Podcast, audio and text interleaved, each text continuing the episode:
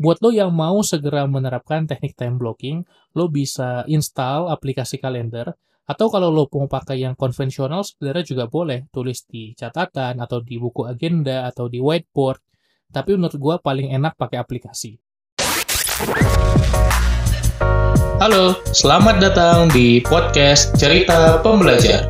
Kamu akan mendengarkan cerita mengenai pengalaman, gagasan, dan pembelajaran. Cerita Pembelajar Season 8 You ask, I answer Lo tanya, gua jawab di podcast gua.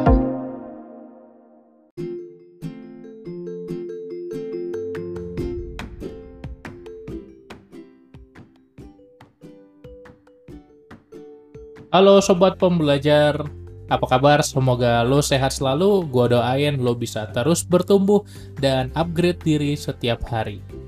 Lo pernah nggak sih ngerasain susah untuk bisa produktif, terutama dalam manajemen waktu? Susah banget gitu kalau udah bikin to-do list, harus bikin agenda, kalender, segala macem. Tapi tenang, karena ada satu teknik yang akan gue bahas di episode kali ini. Teknik ini ampuh banget untuk bikin lo jago manajemen waktu. Apa itu tekniknya? Namanya time blocking. Dan teknik ini merupakan Pertanyaan dari Rahel 94 Arwan, Bang jelasin dong tentang teknik time blocking. Oke, teknik time blocking itu adalah teknik dalam time management yang tujuannya kita memblokir waktu-waktu yang ada di agenda atau kalender kita. Cara yang paling gampang untuk menerapkan teknik time blocking ini adalah Google Calendar. Gua udah bahas secara lengkap di ebook gua tentang bagaimana menerapkan teknik ini. Jadi, teknik time blocking ini akan membuat kita punya jadwal ngapain kapan, ngapain kapan, ngapain kapan. Berbeda dengan to-do list yang hanya ada aktivitasnya saja, kekuatan dari teknik time blocking akan memberikan kita informasi mengenai kegiatannya dan juga waktu yang dibutuhkan untuk menyelesaikannya.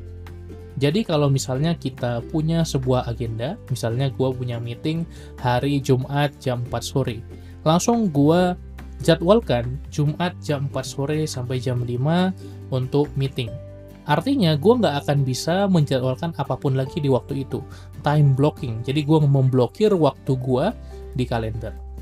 Gue udah gunakan teknik ini bertahun-tahun, mungkin sekitar 6 tahun lebih dari pertama kali gue mengelola waktu waktu dengan kalender dan sekarang gue udah mulai menguasai pola-polanya sehingga gue bisa ngajarin itu juga. Makanya gue juga sering sharing tentang teknik ini di Instagram.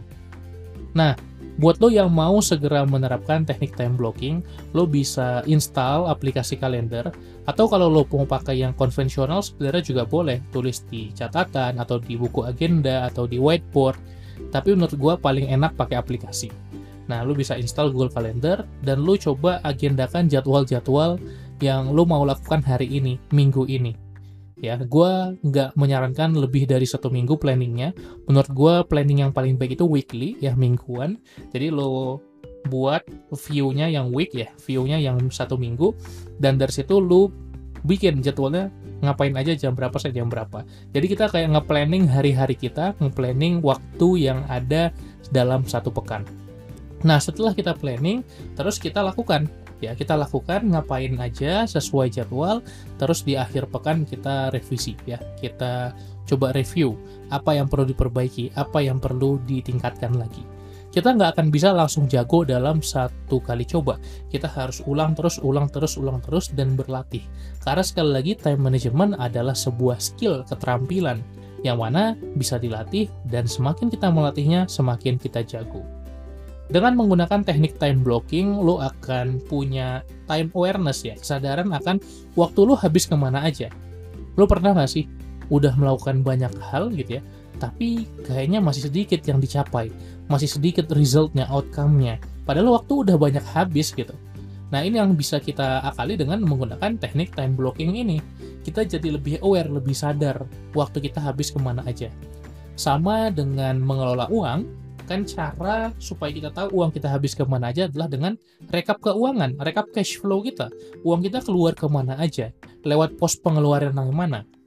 Nah, sama dengan uang yang kita nggak sadar, uang kita tiba-tiba habis, tiba-tiba udah nggak ada lagi gaji kita masih di tengah bulan, maka waktu juga seperti itu.